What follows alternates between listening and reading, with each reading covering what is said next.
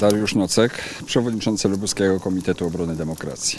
Kiedy Europa się zas- zastanawia, co robić, kiedy w Kongresie Amerykańskim są przepychanki polityczne różnego rodzaju, a właśnie wtedy, kiedy gospodarka rosyjska się przestawiła na tory wojenne, właśnie wtedy, kiedy Awdiewkę żołnierze rosyjscy zdobywają, idąc po ciałach własnych kolegów, po trupach po prostu rosyjskich żołnierzy, idą do przodu za wszelką cenę. Właśnie wtedy powinniśmy tu stać i nie, nie zapominać o tym, po prostu solidaryzować się z nimi, Leonid Myślenik, jestem z Białorusinem. Bez wolnej Ukrainy nie będzie wolnej Białorusi, nie będzie wolnej Polski, bo Putin napadnie na Unię Europejską. To, to moja własna decyzja, żeby przyjść i podtrzymać jak, no, jak ja mogę. Nie mogę no, wspierać Ukrainę inaczej no, niż przyjść no, i podtrzymać.